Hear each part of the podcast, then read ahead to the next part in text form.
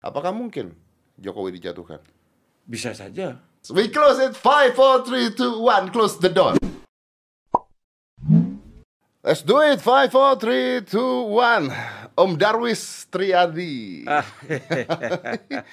Om Darwis. Iya. Saya kenal Om Darwis ini udah lama banget. Dari zaman gue buka toko handphone di Ratu Plaza.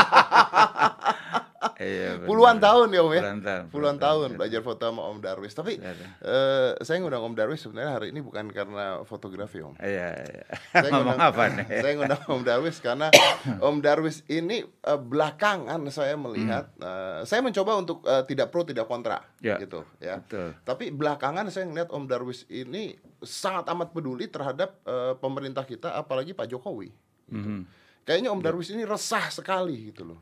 Ya, Ini maksudnya sebetulnya bukan resah sih. Kalau resah enggak lah. Saya rasa pemerintah bisa menanggulangin semua ini. Ya, bukan resah sebetulnya. Dari dulu sebetulnya kalau gini lah. Mungkin kalau bisa ngelihat Instagram saya dari kira-kira beberapa tahun. Mulai kira-kira saya sebetulnya mulai buat quote. Itu 3-4 tahun belakangan ini. Tadinya saya nggak bisa nulis.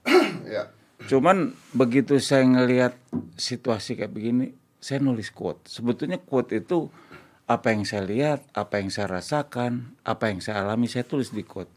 Contohnya misalnya eh fotografi misalnya, ya lebih tadinya lebih banyak Tadinya lebih fotografi, fotografi, oke. terus ke masalah hidup, masalah ya. oke. Nah bahkan waktu zamannya Ahok dulu ya saya bicara soal Ahok, Oke. iya dan itu banyak yang nyerang. Banyak yang nyerang. Iya, karena prinsipnya begini dalam hidup tuh ya, eh mata pada saat kita ngelihat kita harus bisa ngerasain. Jadi pada saat kita ngelihat sesuatu kita rasain nggak bener secara batin, makanya belajar mengolah batin, mengolah rasa itu di dalam fotografi sebetulnya saya jalankan. Jadi apakah dia tuh dari ma apa pun segala macam kalau saya melihat bahwa ini kok ada sesuatu yang saya perlu omongkan karena kalau ngebela juga nggak bisa gue bukan siapa-siapa Tapi kan ka- oh, kata-kata Om Darwis itu akhirnya eh, seakan-akan mengarah ke bahwa Om itu cebongers banget gitu. Iya nggak sih? ya orang berpikir ke sana boleh-boleh saja boleh-boleh saja karena kadang satu hal aja nggak usah sekarang gini pada saat saya motret Ahok dibilang saya dibayar segala macam seperak saya kagak mau terima Nggak dibayar. Wah enggak. Kalau masalah materi dari dulu gue punya prinsip bos. Saya tuh gini, saya pernah ninggalin satu klien yang dia mau ngasih pekerjaan saya. Ya nilainya hampir 1 M setiap bulan. Gue tinggalin karena cuma apa? Karena masalah prinsip.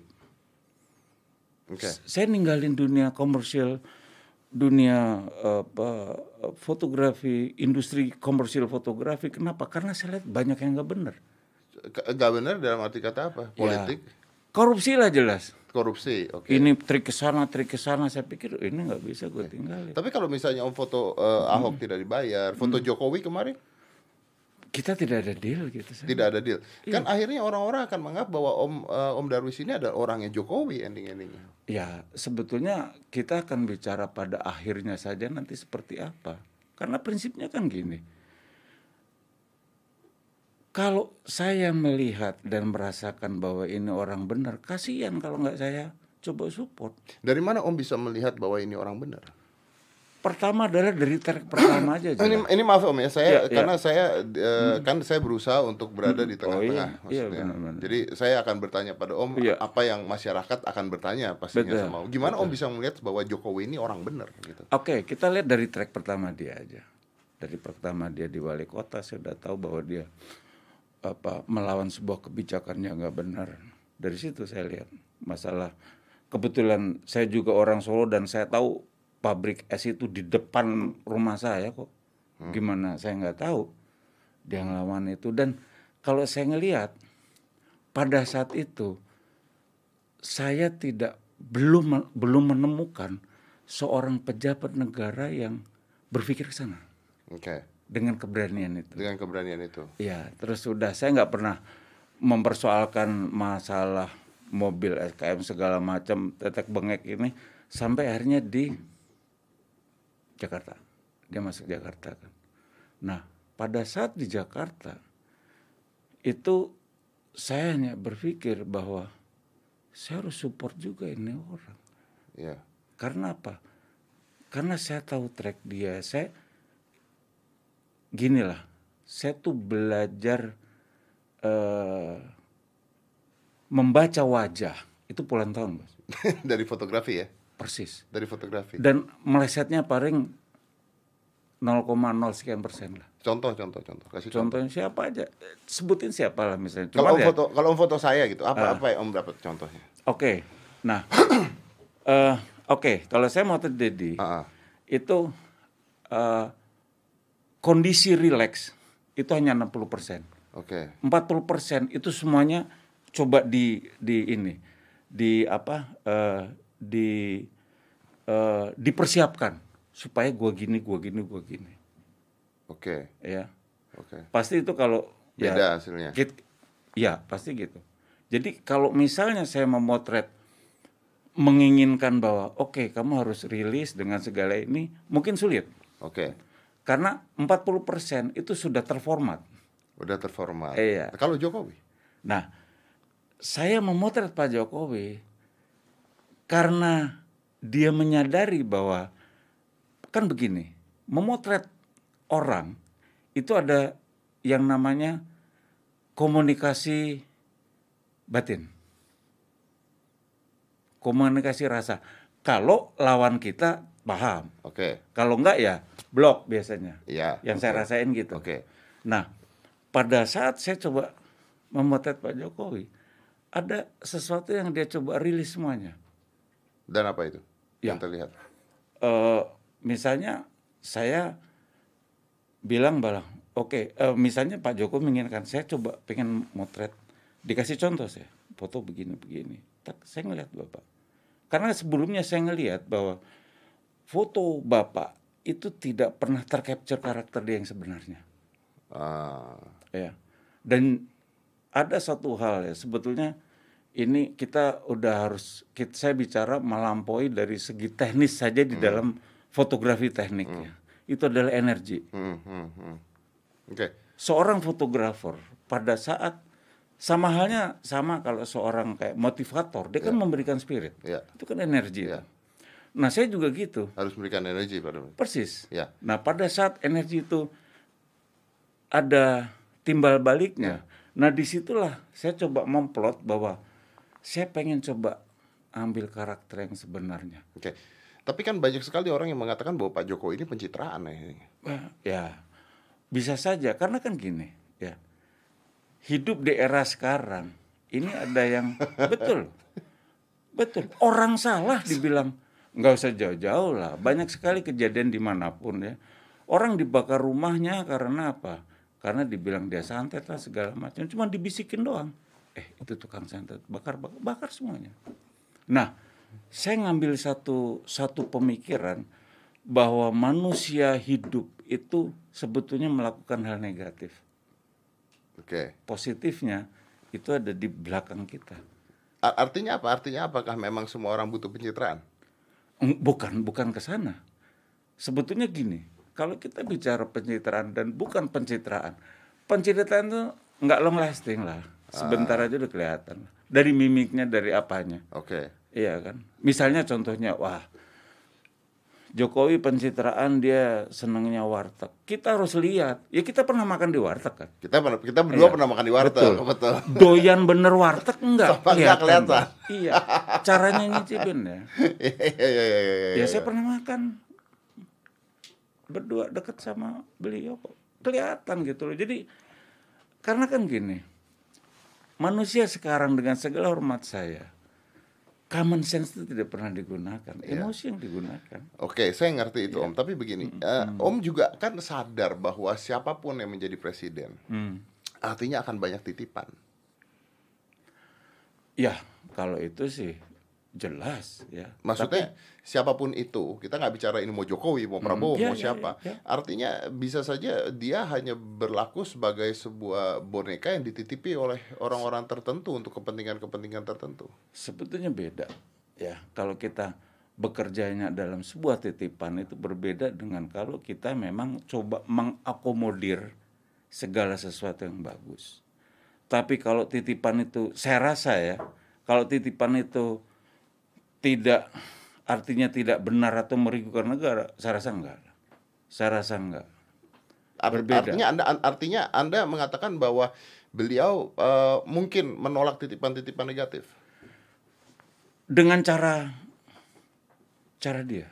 dengan cara dia. Iya, saya sangat yakin kalau itu sih. Walaupun semua harus kamu kalau enggak kan sekarang kan kita gini. Indonesia, pemerintah Indonesia ini berjalan berdasarkan apa? komitmen politik. Jadi apa yang sekarang beredar ini sebetulnya semua komitmen politik loh gini-gini. Tapi kan Ya kan komitmen politik ini kan harus dijalankan oleh seorang presiden yang mana dia sudah tahu bahwa dia kecemplung ke ke arah situ. Mau Nah. mau dia harus menjalankan sesuatu yang kadang-kadang bukan keinginan dia sendiri dong. Persis, bisa begitu. Tapi intinya adalah bahwa kalau dia sudah punya visi bahwa saya akan mengabdi negara, saya akan melakukan segala sesuatu bukan untuk dia. Sementara dia lagi ngebenahin. Karena kalau sekarang nggak usah jauh-jauh lah, selama lima tahun dia kalau main hajar apa ke mana, babak belur lah. Dia sekarang aja babak belur.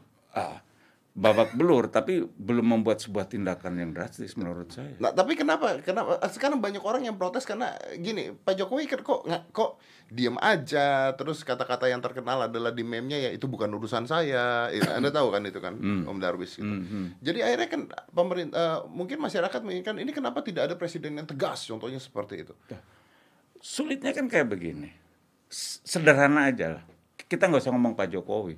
Dari level penjaga keamanan negara, polisi, tentara. Lihat nggak videonya yang orang demo nginjek ngeludahin segala macam ngeledek. Hmm. Saya pernah punya pengalaman di Dubai, ya.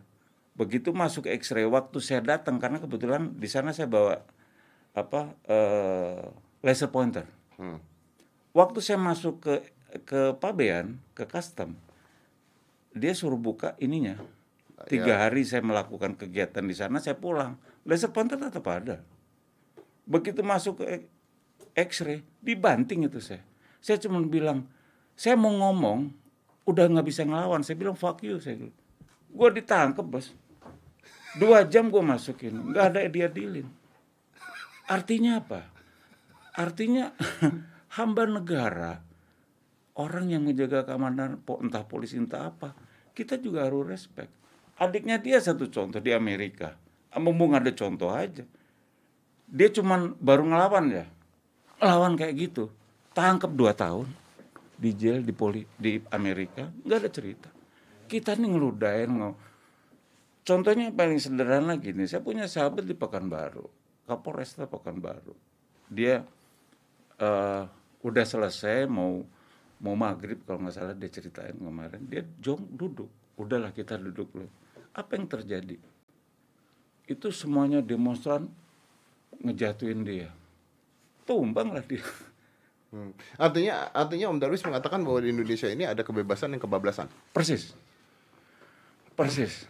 Saya kalau ngelihat ya saya banyak kenal mahasiswa sih. Nah sekarang ini sebetulnya satu contoh lah. ILC kemarin saya lihat sebelah. Ada seorang mahasiswa itu bisa seolah dia tuh telah berjuang sama bangsa dan negara itu dengan gaya yang arogan. Dia bisa ngedikte Pak Muldoko kan gila. Kan gila tuh menurut saya. Dengan ya saya dengan segala hormat dengan teman-teman mahasiswa lah. Ya gue tua gini juga jiwa gue muda lah karena saya banyak ngajar di siswa di sana. Hmm, Saya sebelum ke mahasiswa, Om Darwis. Sebenarnya menurut Anda Indonesia ini sekarang sudah masa kritis kah? belum enggak lah ini Belum. sebetulnya Tapi Mas- kenapa? Tapi kenapa kalau Anda mengatakan ini tidak masa kritis? Saya ngelihat bahwa sebenarnya di sosial media malah yang banyak adalah orang-orang yang keras. hmm, Ke mana orang-orang yang nggak keras itu ke mana? ya mungkin sebetulnya nggak penting juga dilayanin sebetulnya karena sekarang ini perang Kalau nggak dilayani, kan. kalau tidak dilayani, Iya. maka yang keras akan menang loh. Nah, sebetulnya begini, tinggal tunggu masanya. Sebetul kebetulan saya bukan bukan pemerintah yang bisa buat kebijakan, tapi saya membaca dari Ah. dari dari konstelasi ini dan sebetulnya ini bisa terbaca lah. Tapi masalahnya kan pemerintah juga menghargai segala sesuatu yang kaitan dengan hak asasi manusia kan. Tapi yang melakukan itu kadang lupa. Sekarang lihat aja coba. Begitu banyak orang yang sok pakar, eh saya kadang-kadang ngeliatnya mukanya aja udah kayak begitu. lo bener loh. Gue ini tukang baca muka. Bener, tapi saya lihat nggak honest dia dengan gaya yang arogan. Wah gini Jokowi gini segala. Dalam hati gue, dia ngelakuin apa gitu loh. Banyak loh sekarang kayak begitu. Pakar ini, pakar itu. Nanti begitu dia dikasih kedudukan apa, cep, diam. saya ngeliat track dari dulu sebelumnya soalnya. Ya gue umur udah 65 tahun bos. Jadi artinya saya tahu ngalamin sebuah tiga dekade, saya banyak membaca. Dan kebetulan bapak saya bilang, satu-satu hal yang jangan kamu lakukan adalah main politik. Jangan politik ya. itu jahat, jangan. Jangan. Tapi kamu harus melek politik. Tapi tapi Anda Om Darwis, tapi Anda kalau Anda mengatakan Anda tidak main politik, tapi dari postingan-postingan Anda Anda main politik loh Om Darwis. Sebetulnya bukan. Karena ini sebetulnya ungkapan. Sekarang contohnya kayak gini. Ya, gue ngelihat sekarang orang baik selalu dijahatin. Kenapa? Ya karena orang jahat udah susah melakukan sebuah kejahatan. Jadi orang baik yang kena. Hmm. Terus orang baik kenapa diam aja? Takut. Oh enggak, bukan takut dia. Ada caranya nanti. Karena nggak usah jauh-jauh, nggak usah kita bilang takut. Baru dikasih water cannon aja bilang.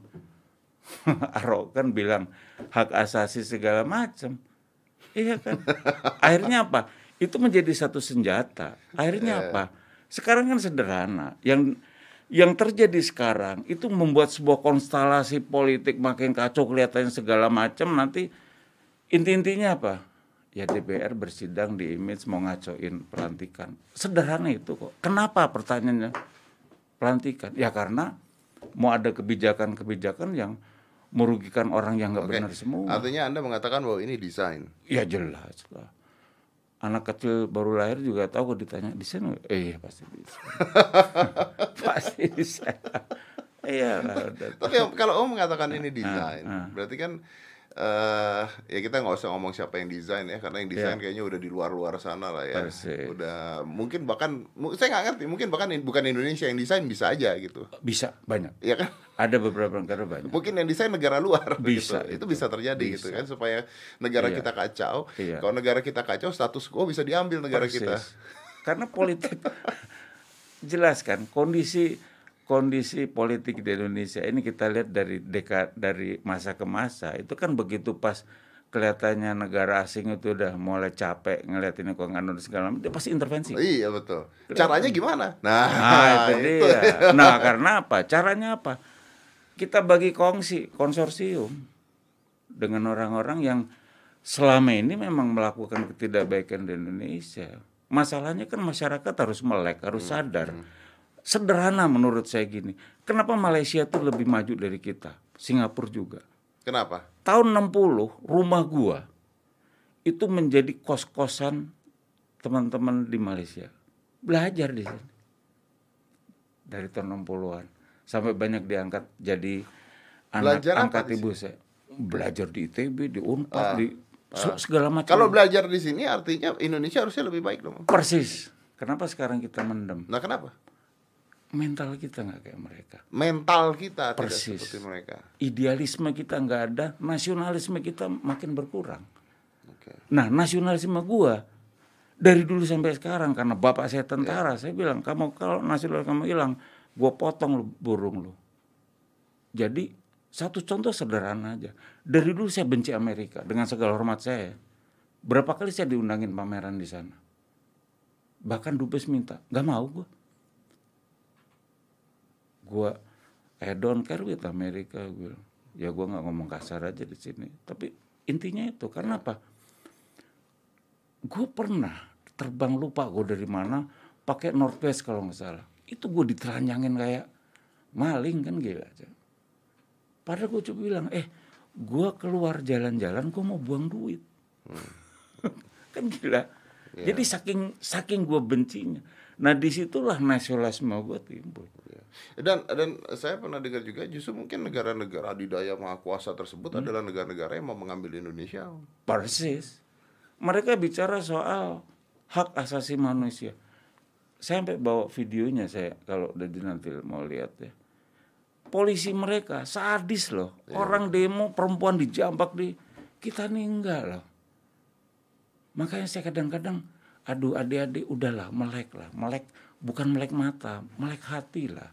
Anda melakukan ini kalau memang untuk kebaikan dialog lah. Kan kelihatannya nggak bener Ya. sekarang ini kan pengiringan opini sampai akhirnya oh presiden yang salah. Asap dibilang presiden salah stupid kan begitu am di mana mana juga hutan kebakar kalau ini Tapi kan dikatakan ada yang membakar terus Ya. begini udah gitu Ya, dikatakan sekarang bahwa presiden diam saja kan. dan sebagainya. nggak bukan diem dia nggak banyak ngomong tapi banyak bekerja juga kan banyak yang udah ditangkepin kan nggak bisa begitu saja kalau ditakemin gebukin digantung nanti hak asasi lagi kan. Iya, hak asasi lagi ya. pada Semuanya banyak kena dari ya. perusahaan. Malaysia kan yang kena Ya. Nah, Om sendiri ini kan sebenarnya vokal kalau menurut saya karena saya belakangan liatin Instagram eh, Om Darwis ya. Om Darwis bahkan mengatakan kayak kemarin yang eh, demo mahasiswa ini apa ya Om Darwis ngomong? Ad- aroma yang tidak sedap Aromanya tidak sedap gitu. nah gini bukan mahasiswanya berdemo aroma tidak sedap Bukan mahasiswanya ya? bukan salah dong bahasanya masa masih ada nanti saya bacain Oke. Ya saya juga nggak bukan bodoh, saya punya perasaan juga kok terhadap adik-adik mahasiswa. Tapi ada sebuah aroma yang sebetulnya memplot mahasiswa ke sana tanpa disadarin gitu loh. Kita harus sadar itu. Beda dengan 98. Wah jauh banget dong. 98 gua ada di rumah saya ada jadi dapur umum kok. Saya suplai makanan ke sana sama teman-teman. Saya waktu itu juga ngajar di Trisakti kok. Saya ngajar di Trisakti. Iya, iya. Jadi berbeda gitu loh. Bedanya dari mana? Tanya anak kecil juga tahu. Kita kan harus lihat gitu ada sebuah desain yang memang sudah dilakukan jauh sebelum pilpres. Artinya menurut Om Darwis sendiri bahwa eh, mahasiswa di sini menjadi korban? Enggak. Ya bisa dikatakan begitu tanpa disadari. Tanpa disadari seperti Eh itu. iyalah, karena kan Oh, oh, tapi Om tahu nggak Om ngomong seperti ini Hmm. akan banyak juga mahasiswa yang marah dengan kata-kata Om. ya kalau saya berpikir bahwa ini sesuatu hal yang karena kan gini, kalau mahasiswa memang sebetulnya dia memang ini ajak dialog lah. Kita kan perlu dialog, bukan karena kalau sudah seperti Hmm. Mungkin ini, dia mengambil contoh bahwa kalau demonstrasi pada saat 98 berhasil. karena ritmenya kan sama, zaman di Bawaslu apa kan sama bentuknya. Perhatikan deh sama semuanya. Polanya sama, ritmenya sama supaya ini gitu loh. Jadi kita saya sedih aja ngeliat begini gitu. Ada ada beberapa kalau nggak salah di TV atau di Hmm. mana gitu ada orang-orang yang ketangkap bahkan mereka nggak tahu demonya demo apa. Ya seperti itu itu contohnya kan. seperti itu contohnya. Jadi kita sangat menyayangkan itu saja. Nah Om ketika ngomong itu seperti Ah. itu, apa nggak keluar haters-haters itu? Oh banyak lah, banyak. Kalau saya pikir kayak gini, saya setiap melihat hater, saya ngelihat kondisinya seperti apa dulu. Saya lihat dia, ternyata ya dia cuma abal-abal ya saya diliatin aja udah gampang. Anda buang-buangin aja. iya, ada yang memang misalnya dia seorang oh, katakanlah mahasiswa dia marah, ya saya cuma terangin bahwa saya salah, jangan salah, saya bukan bukan eh, mm, artinya tidak setuju atau meng- menyalahkan mahasiswa tidak baca dulu saya bilang bacalah tulisan saya juga bukan orang bodoh dan saya melakukan itu untuk apa nggak nggak pro ke sana ke sini cuman saya berpikir bahwa ini sayang track kita udah bener untuk Indonesia maju apa kita mau kayak Syria masalahnya kan nggak bisa kalau begini Ada berita juga ya katanya ada lembaga yang ngasih brief sebelum demo. Ya itulah. Ya kita itu udah karena sekarang media sosial udah belang-belang ke mana-mana ya kita tahu kan. iya kan. Kan sebetulnya sederhana. Yang diributkan ini kan rancangan undang-undang KPK satu Heeh. diributkan. Terus ah, KUHP, it- itu juga sudah akan coba di dinegosiasi. Tapi pertanyaan saya, sebuah undang-undang dibuat itu berdasarkan memang walaupun semua juga keputusan politik lah, ya nenek-nenek Pasti, juga tahu lah. ya. Tapi kan artinya pada saat dibuat itu ada dua hal.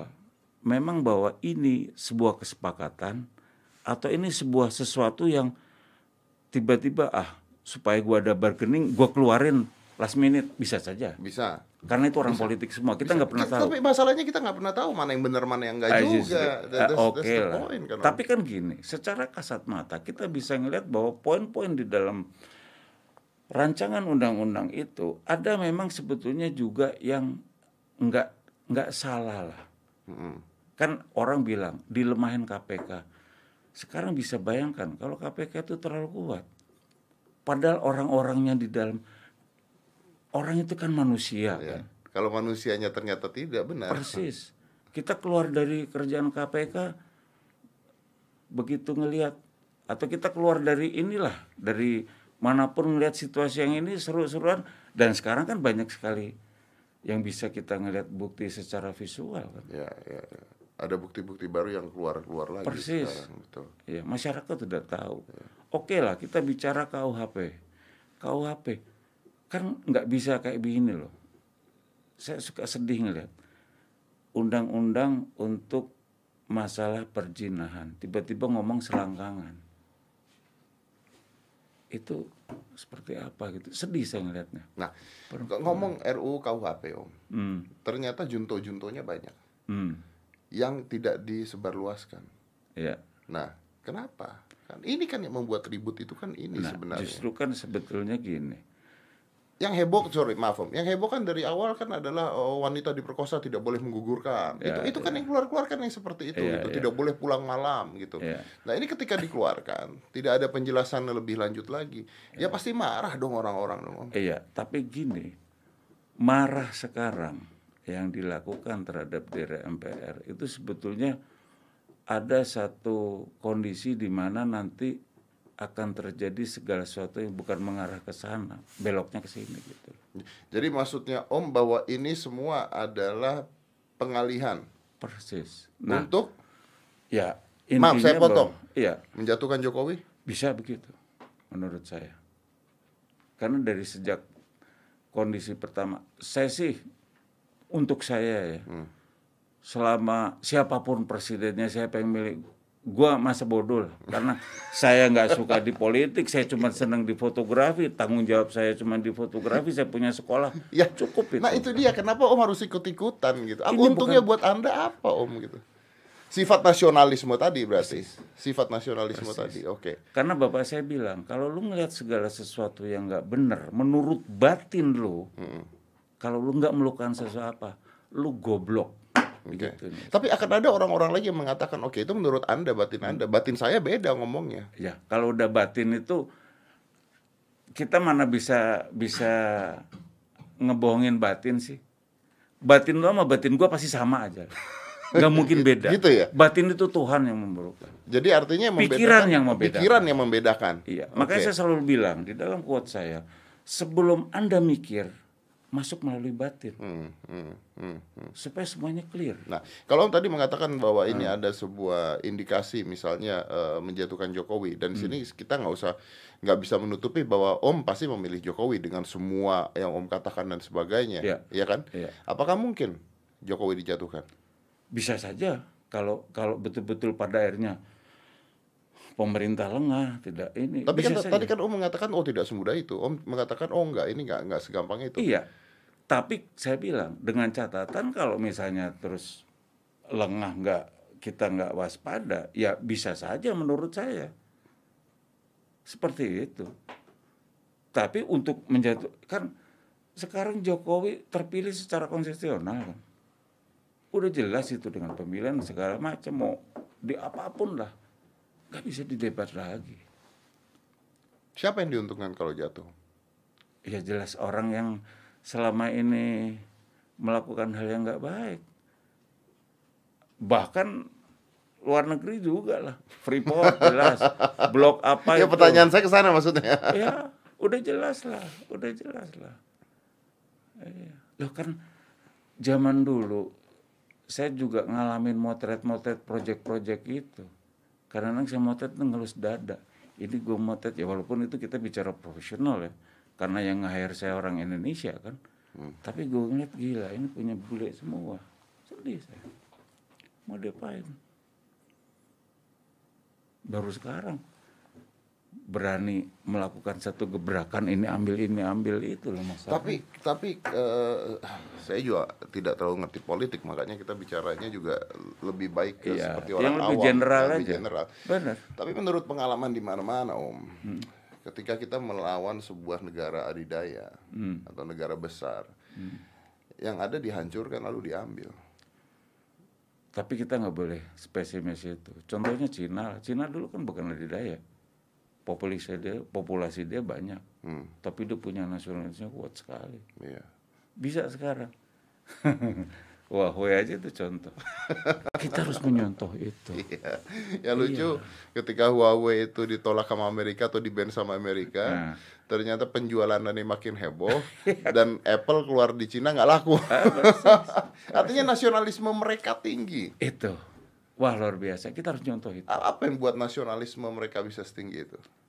Karena dia berpikir untuk negara semuanya. Berpikir untuk, Untuk negara, negara. untuk negara. Oke. Iya, kalau kita ini masih berpikir untuk partai, berpikir untuk sendiri, syukur-syukur. Oke. Dan ini semua Om sadar gak bahwa ini semua kejadian seperti ini semua akhir-akhirnya agama ini dipolitisasi. Sangat tahu persis. Makanya tahu nggak ada begini. Saya kadang-kadang bicara. Buat saya, pada akhirnya saya harus berpikir saya itu lebih condong makin lama bahwa saya yakin dengan Tuhan, bukan agama. Saya seorang Katolik, tapi gua nggak pernah ke gereja. Nggak penting buat saya. Karena sekarang banyak contoh tuh tarik-tarikan umat lah segala macam. Kita tahu di depan mata kita kan. Buat apa bilang. Banyak saya ketemu seorang dengan segala hormat saya lagi sebagai pendeta. Dia ngomong soal segala macam. Kamu harus ada. Gua ngelihat jasnya Yugo bos. Satunya Beli. Gila. Kos oblong gue ini harganya 60 ribu cuman. Harusnya orang yang sudah agamis banget, Persis. tasnya nggak branded gitu ya. Persis, Kan tidak harusnya begitu maksudnya. ya. Persis. Karena kan saya gini. Gue saya ini Ini berlaku fotografer. pada semua agama loh. Ini. Ya saya nggak bicara itu. Makanya saya bilang bahwa saya saya ini seorang fotografer. Begitu saya ngajar di pesantren, gue sering loh ngajar fotografi di yayasan-yayasan apa. Saya terima duit, saya tolak duit. Pokoknya di tempat-tempat itu lah. Entah di gereja, buat saya semua sama. Di tempat apa sih, eh, ada yayasan Buddha tuh di kota sana. Saya ngasih, memberikan spirit aja kan. Enggak ada. Sekarang mana ada orangnya kasih ceramah segala nggak ada duit, kamu ngamuk deh. saya cuma mau kasih contoh aja bahwa saya diberikan keahlian profesi ini, ini berkah saya bilang. Saya kadang-kadang bingung loh. Saya udah 40 tahun lebih di fotografi. Kenapa spirit saya makin tinggi di fotografi dan saya bisa hidup cuma di fotografi, tidak melakukan kegiatan komersil fotografi saya. Tapi hidup gitu ya. Masih hidup. Sekolah saya ya saya masih motret lah. Untuk personal untuk apa? Tapi komersil sudah yang namanya fotografi komersil advertising saya udah eh, 10 tahun lebih lah Om, saya om, tinggalkan. artinya kan Om mengatakan, nah, artinya kan Om mengatakan bahwa agama ini bisa jadi bisnis ya. Iya nggak sih? Apakah itu Ya, yang Om, Om saya nggak bisa, maksudnya? saya nggak berani ngomong begitu. Tapi kalau ngeliat kondisinya seperti itu, Kalau melihat kondisinya seperti itu, iyalah menyedihkan kan, kalau bisa dijadikan bisnis, artinya bisa jadi eh, senjata politik ya. persis. Yang terjadi adalah seperti itu gitu, kan menyedihkan. Padahal kan Tuhan itu sudah memberikan kehidupan kita dengan berbagai ragam dinamika segala macam.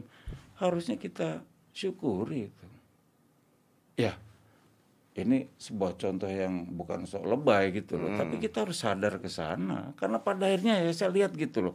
Dulu politik dia segala macam begitu pas terakhir memenggap-menggap mau mati beda loh. Gue tuh paling sering lihat teman dengan ya pada saat detik-detik terakhir. Waduh gila, cuman satu kali dua doang. iya loh. Makanya banyak sekali teman-teman saya kalau dia datang dia ngeluh segala macam. Saya bilang kenapa lo ngeluh? Gila. Gue dari pabrik tiga, eh pabrik tujuh tinggal tiga, tiga juga satu yang dalam hati gue gila loh. Saya bilang lu coba ke jembatan Tanjung Priok lu duduk di bawah, lu lihat orang makan tuh di sana, susah makan mas. lu, lu komplain lu ya? iya. Itu terjadi waktu di 98 ya boleh tanya lah teman-teman fotografer semua. Itu di rumah kayak gudang semua nitip alat-alat. Kan banyak teman yang tinggal di kota segala macam titip di rumah saya. Tapi terus begitu pas 2-3 bulan dia bilang mas gue mau pindah profesi segala macam. Gue bilang kenapa? Gila gue udah tiga bulan nggak nggak ada kerjaan. Terus saya bilang eh lu untung selamat. Banyak yang nggak selamat tahun saudara kita kemarin rumahnya dijarah dia diperkosa dibakar kejadiannya gila sih lu harusnya bersyukur. Masalahnya kalau nggak dapat kerjaan ekonomi kita lagi begini kok. Ya. kita nggak pernah bayangkan bahwa tahun 98 itu sekarang kita bisa begini. Ini luar biasa sebenarnya. Apakah kita mau hancurin lagi? Ya. itu pertanyaannya ini menarik sekali ketika Om tadi bicara agama. Om Katolik berarti ya? Katolik. Om Katolik, oke. Okay. Tapi Om mengatakan tadi barusan, Om mengatakan sendiri dengan jujur bahwa gue nggak pernah ke gereja, tapi gue percaya pada Tuhan. Persis. Nah, kemarin gue baru aja ngomong sama uh, Coki, hmm. uh, Coki Pardede, ya, Coki Pardede. Dia mengakui bahwa diri dia adalah agnostik.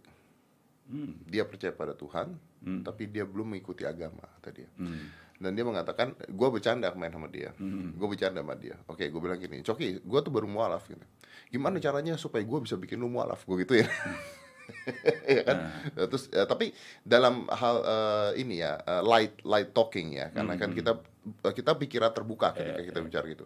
Uh, dia mengatakan hal yang menarik sekali. Jadi dia punya prinsip bahwa humanity above religions. Yeah humanity above religions. Karena nah saya nanya apakah anda mengatakan ini karena anda kecewa melihat apa yang terjadi sekarang? Gitu. Mm -hmm. ke ke cokinya. Mm. uh, tapi cokinya mengatakan saya bukan kecewa tapi saya tapi dia lebih bahwa uh, ya sebenarnya yang harus diurus ini adalah manusia manusianya dulu ini loh. Kasih sayang antar manusianya Betul. dan sebagainya. Itunya harus dilihat Betul. gitu nah kalau saya tanya sama om apakah karena om kecewa? Enggak. Gini loh ada sebuah proses di dalam kita menjalani hidup. Uh, pada akhirnya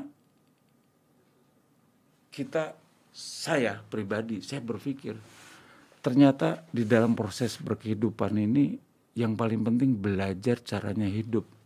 Karena kita sudah belajar caranya hidup, berarti kita mensyukuri arti hidup. Mensyukuri arti hidup, artinya kita bersyukur pada Tuhan.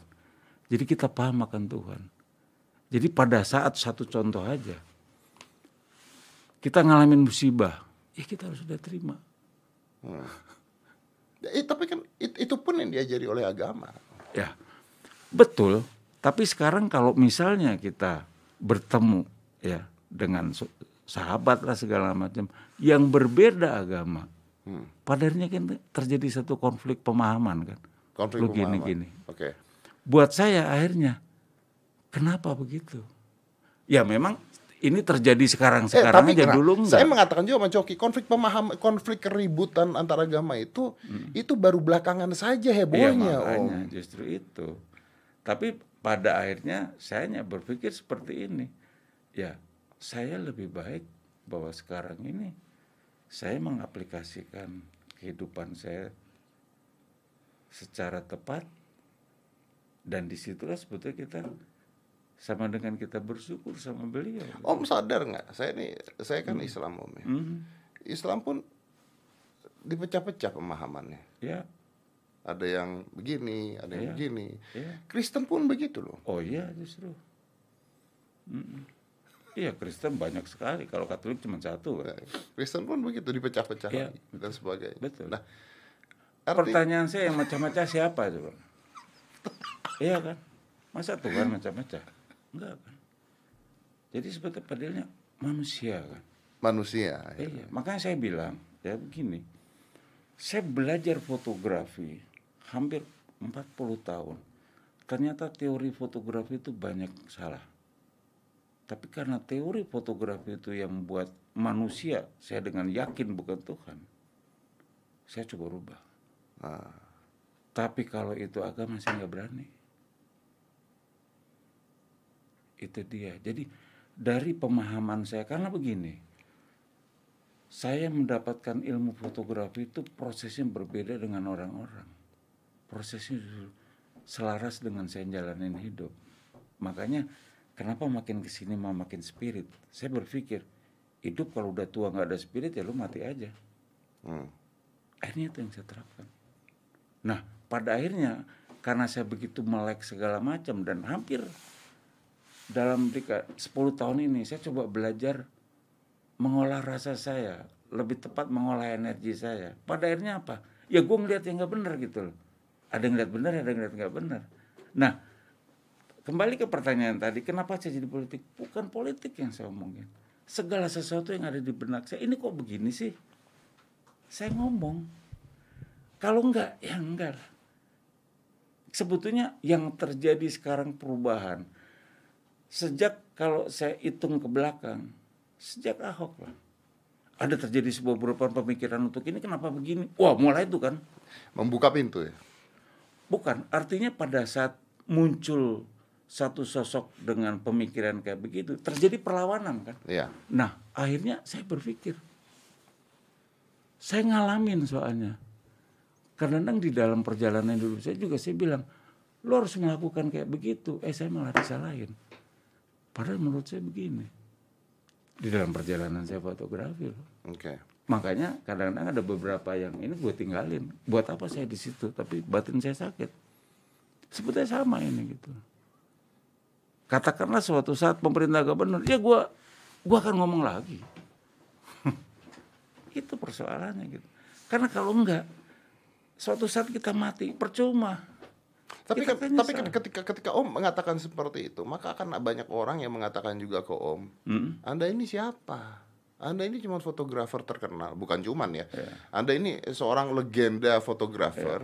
Ngapain Anda Banyak ngomongin- yang ngomong gitu. Ah, ngapain Anda ngomongin hal-hal yang udah lu ngomong lu ngomongin fotografi aja. biarin saja kan manusia sebetulnya kan gini yang bisa menilai gue tuh bukan manusia Tuhan manusia ngomong apa silakan lah dia punya mulut punya apa kok. Iya kan? Kecuali kita suruh eh gue kasih duit lu jangan ngomong gitu ya mau kalau enggak duit gue ambil. Tapi kalau enggak dia mau ngomong apa aja. Eh buat saya masalah. Nah, yang Om dapat apa dari ngomong itu semua? Batin. janji batin saya. Karena kalau saya tidak melakukan itu batin gue sakit. Oke, akhirnya gue akhirnya inget sama bapak gue oke. bapak saya udah almarhum ya dan komunikasi batin saya masih kuat sampai sekarang Anda tahu nggak Om Darwis, Hmm. ketika Anda mengatakan sesuatu yang kontradiktif dalam satu hal, Hmm. Anda juga akan kehilangan klien. wah itu lebih nggak penting lagi untuk saya karena buat saya duit itu nomor 73 bener loh gini saya ceritain Tapi gue tahu. saya ceritain Iya, iya, iya. ada orang ngasih kerjaan yang saya bilang tadi saya tinggalin kok saya ada dua hal di dalam di dalam peristiwa hidup saya kalau saya mau kaya raya. Pertama ada orang mau nitipin batangan emas dua koper. Iya kan? Dia saking percaya mas gue titip lu. Jangan. Gue bilang enggak gue rasanya nggak enak segala macam. Eh tiga hari kemudian dibunuh dia. Wah saya sedih. Oh berarti pada saat dia ngomong itu memang dia lagi kebingungan gitu loh tapi kalau saya ah terima aja Dapat tuh ya. ya kalau itu kan itu kan rezeki nggak dosa lah Iya, iya, iya. Tapi kalau yang ini yang saya bilang bahwa kalau saya jalankan, saya terima ini order, tapi dengan kondisi batin saya, saya masih begini nggak sih? Buat apa saya bilang? Itu duit setan dimakan Jin. jin nanti. Dan banyak yang terjadi. Loh, banyak loh. Makanya saya bilang, saya tuh banyak ketemu teman, ya sekarang seumur gua udah pasti pensiun dong. Iya, iya. begitu pensiun saya sakit segala macam. Saya sering bilang nah kan gue bilang ingat gak lu 20 tahun yang lalu? Duit setan kemakan jin. Nah lu sekarang jinnya saya bilang gitu. Itu terjadi. Jadi sebetulnya ya itulah saya bilang. Manusia tuh hidup kan belajar. Ya. Kita dikasih panjang umur ya coba sesuai dengan ini Sesuai dengan eh, persis ya betul. Jadi artinya Om Om sekarang melakukan apa yang menurut batin Om benar. persis Dan tidak ada salahnya ketika seseorang menurut batinnya benar. Karena batin itu sebenarnya sama hanya pikiran yang berbeda-beda Pikiran yang berbeda. ya. Oke. kan selalu bilang batin om sama gua berarti Tuhan tuh beda sama gua dong Tuhan kan ngasih batin Nah, orang kalau bilang malaikat kan Iya. sampai selalu ya ini saya bilang ini di luar konteks kita bicara apa eh, mengenai agama ya saya bilang orang lahir tuh melakukan negatif tapi ada yang kontrol namanya malaikat kan Ya. anak kecil juga tahu gitu loh nah kita dikontrol tapi suatu saat kita tuh hilang kontrol nah itu yang terjadi sekarang Oke, sih. mungkin pertanyaan eh, terakhir untuk yang ini nih Om. Eh, jadi gimana Indonesia sekarang? Indonesia ini sebetulnya sekarang dalam situasi belajar bahwa kita semua harus mencintai dan punya na- nasionalis yang tinggi. Nah ini sedang diuji sekarang ini sebetulnya. Diuji dengan hal kaitannya dengan ya memang sebetulnya untuk melakukan sesuatu yang yang baik itu pasti banyak sekali kendala-kendala yang tidak baik gitu loh. Sama itu Bisa dalam selamat kah? Bisa, saya yakin bisa, Bisa. sangat bisa. Mudah kah? Karena Tidak. enggak mudah, tapi bisa. Eh, optimis kah? Optimis dong, harus optimis lah. Karena ini sebetulnya, ya sekali lagi ya, saya bukan orang politik ya, tapi ini sebetulnya banyak sekali hal yang kaitannya yang akan terjadi ini sokit segala sesuatu terjadi sebuah komitmen. Tapi mau nggak mau kita harus meyakinin bahwa ada orang yang punya pikiran benar untuk memajukan Indonesia itu saja. Dan berani ngomong. dan berani ngomong. Cuman masalahnya kan gini, ada sebuah karakter yang terbentuk dari budaya. Saya orang Jawa, saya jarang ngomong. Persis, bener. Jadi saya kadang-kadang kalau ini saya nggak bisa marah. Baru terakhir saya panggil tuh orang, lu gini-gini. Nah, beda waktu kecil, waktu muda, makanya saya kalau sekarang lagi ngobrol sama teman-teman zaman muda, wah zaman dulu mah kalau kita ngeliat orang gitu masuk disolokan kita gebukin, Gebukin. tapi kan beda Iya, kan. betul, betul. Kan udah beda eranya. Nah di situlah sebetulnya eh, yang yang kita harus memang jalani, tapi keyakinan harus ada. Keyakinan harus ada. Iyalah untuk bangsa Indonesia kita kan berpikir untuk generasi kita. Tetap persatuan Indonesia Om ya. Iyalah. Oke. Ini luar biasa banget karena eh, ya Om Darwis bicara seperti ini nih jarang banget dan biasanya cuma ngasih quotes quotes doang di Instagram. Makanya saya penasaran gitu apa apa sih isi otak dari Om Darwis ketika ketika dia memberikan quotes quotes tersebut itu. Makanya saya mikir saya diundang Deddy. Mau ngapain? dijebak nih. Tapi nggak apa-apa, biar masyarakat tahu. Tapi gitu. gini Om, kalau tidak banyak orang yang berbicara, Iya. akhirnya kita dikalahkan oleh orang yang berani bicara, persis. gitu. Om. Tapi bicara yang benar. Kalau sekarang yang kan banyak benar. orang yang sok bener gitu. Iya, itu betul. masalah. Itu yang jadi masalah. Oke, tapi untuk Indonesia maju lagi Om. Maju pasti ya. lagi. Oke. Kita harus We close it. Five, four, three, two, one. Close the door.